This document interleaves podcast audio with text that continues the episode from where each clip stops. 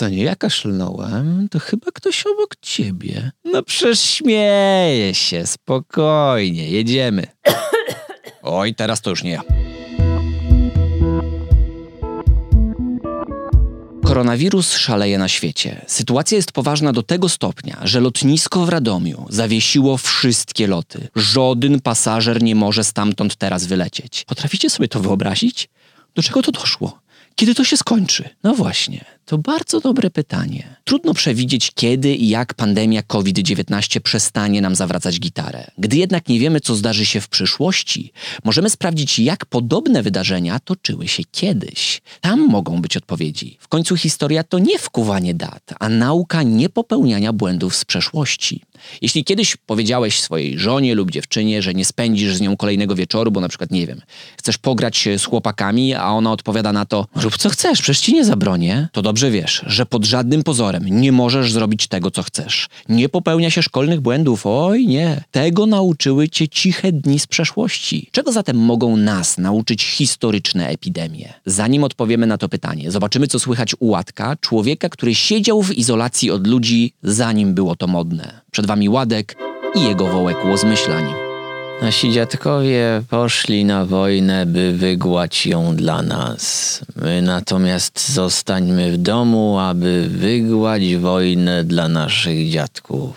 Faktycznie po raz pierwszy możemy wygrać jakąś wojnę siedząc w domu. Jakby to o nas świadczyło, gdybyśmy nie podołali takiemu zadaniu?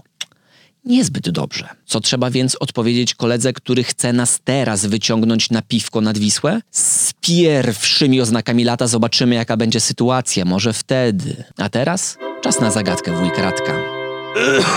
Proszę Państwa, wszędzie ten koronawirus. Ja już mam tego dosyć, ponton tego tematu mam. Ile można o tym gadać? Radzinek oczywiście, bo prosił o koronawirusową zagadkę jakże, żeby mu do odcinka pasowało. No i nie będzie o to pytań na moim dyżurze, tak powiem.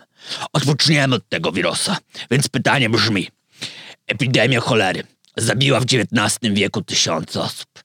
Który z podanych niżej trzech wieszczów najprawdopodobniej stał się jej ofiarą? A.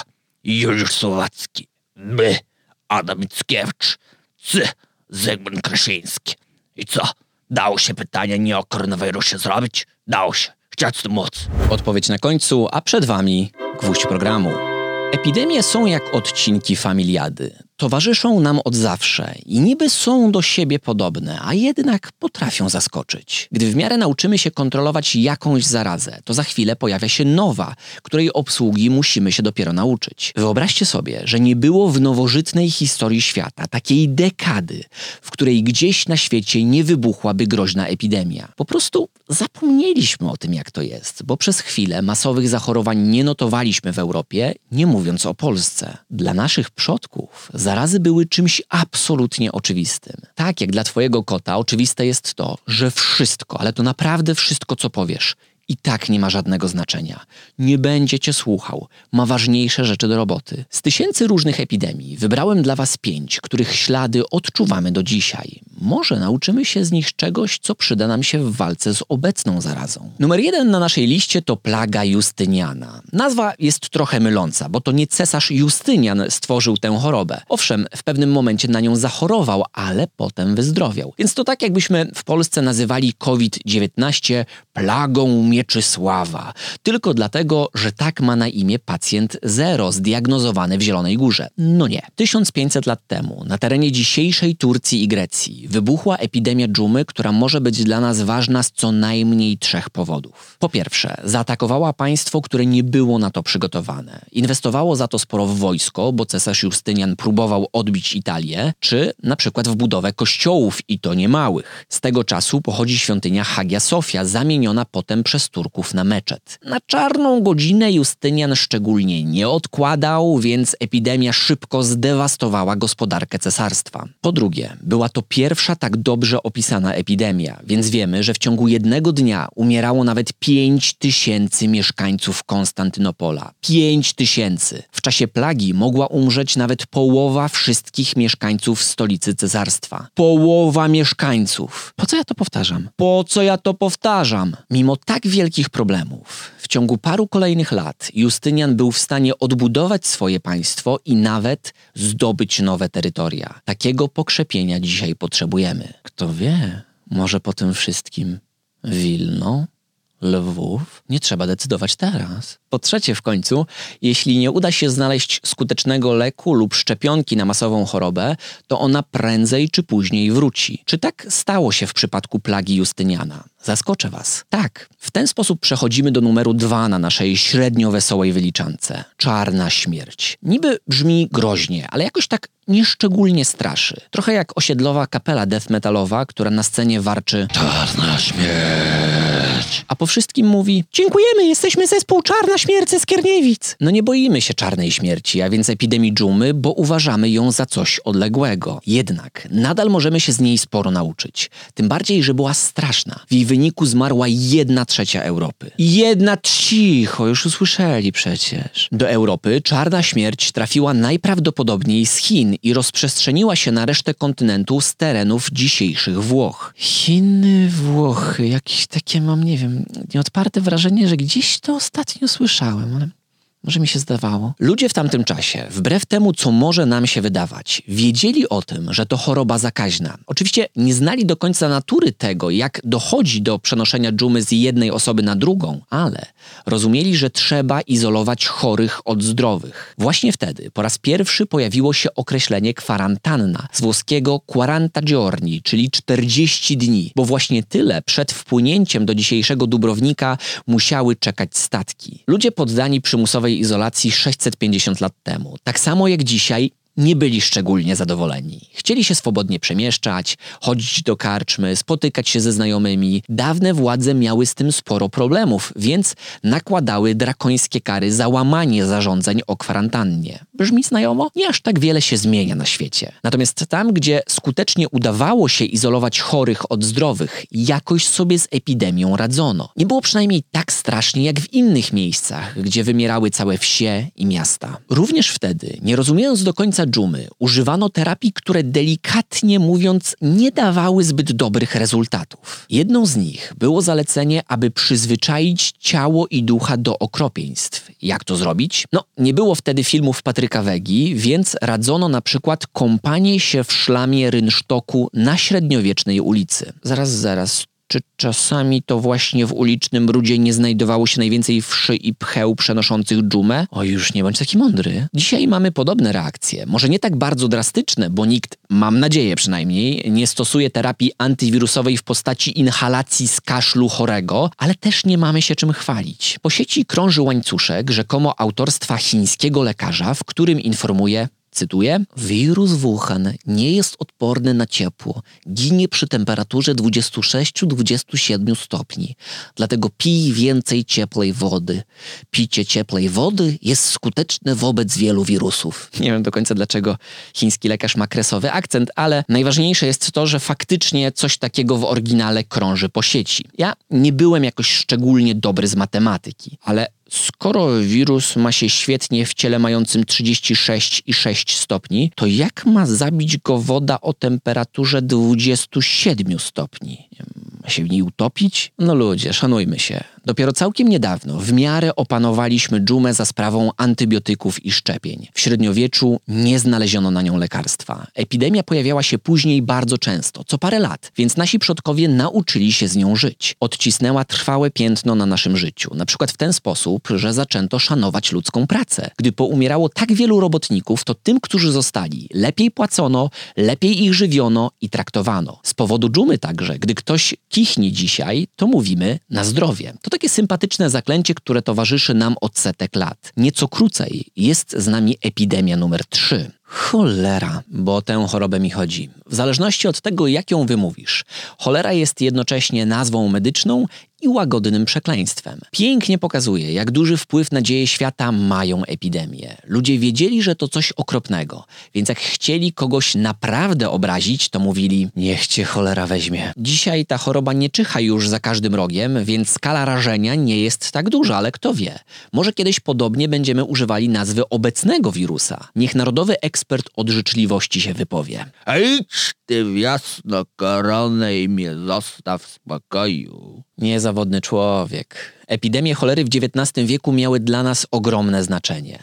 Musimy pamiętać, że ludzie nadal wtedy uważali, że choroby takie jak dżuma czy cholera roznoszą się przez złe powietrze, a nie przez niektóre bakterie czy wirusy. Jednym z bohaterów, którzy to zmienili, był badacz cholery, lekarz John Snow, który zainteresował się dziwnym wybuchem epidemii cholery w londyńskiej dzielnicy Soho. Setki osób umarło w ciągu zaledwie kilkunastu dni. Lekarze nie wiedzieli, co zrobić, ale John Snow postanowił przypadki zachorowań nanieść na mapę. W ten sposób powstała najważniejsza mapa w dziejach światowej epidemiologii. Szybko okazało się, że większość ognisk choroby wybucha dookoła ujęcia wody przy Broad Street, czy mówiąc swojsko, przy ulicy Szerokiej. Snow nakazał więc usunięcie rączki do pompowania wody ze studni i sytuacja zaczęła poprawiać się z dnia na dzień. Mimo, że teorie naszego dzielnego bohatera nie przekonały od razu wszystkich, to ostatecznie jego praca w czasie epidemii cholery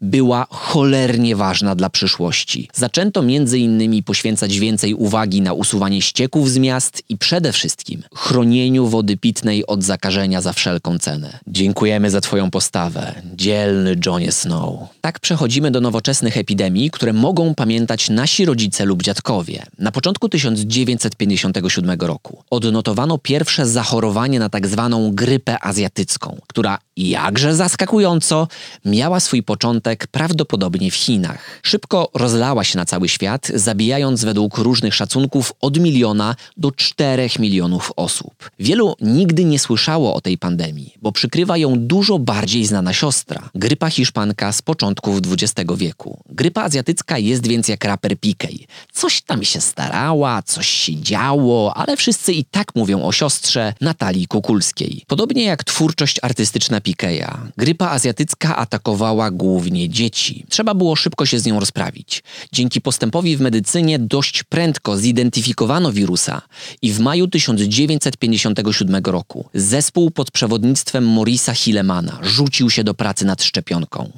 Przeciwnik nie był łatwy, ale ktoś zauważył, że grypie nie poddają się staruszkowie w wieku około 80 lat, którzy wcześniej przeżyli epidemię rosyjskiej grypy. Badania ich przeciwciał otworzyły drogę do stworzenia skutecznej szczepionki, którą podano amerykańskim dzieciom we wrześniu tego samego roku, po zaledwie pięciu miesiącach. Były to szalone czasy i Hilleman właściwie ominął wszystkie rządowe agencje, aby jak najszybciej zaszczepić dzieci. Dzisiaj podobna akcja nie ma szansy powodzenia i każda szczepionka musi przejść przez procedury bezpieczeństwa. Na azjatycką grypę w Stanach Zjednoczonych zmarło zaledwie 70 tysięcy osób. Gdyby nie Hilleman, ta liczba mogłaby być kilkukrotnie większa. Mówię o tym nieprzypadkowo. Zobaczcie, jakie cuda dzieją się, gdy świat chce wszystkimi zasobami zwalczyć zarazę. To dobra wiadomość, ale jest też gorsza. Pandemia grypy azjatyckiej pokazała nam, że często masowe choroby wracają. Zaledwie kilka miesięcy po stworzeniu szczepionki wybuchła druga wielka fala. Tym razem zaatakowała głównie osoby starsze.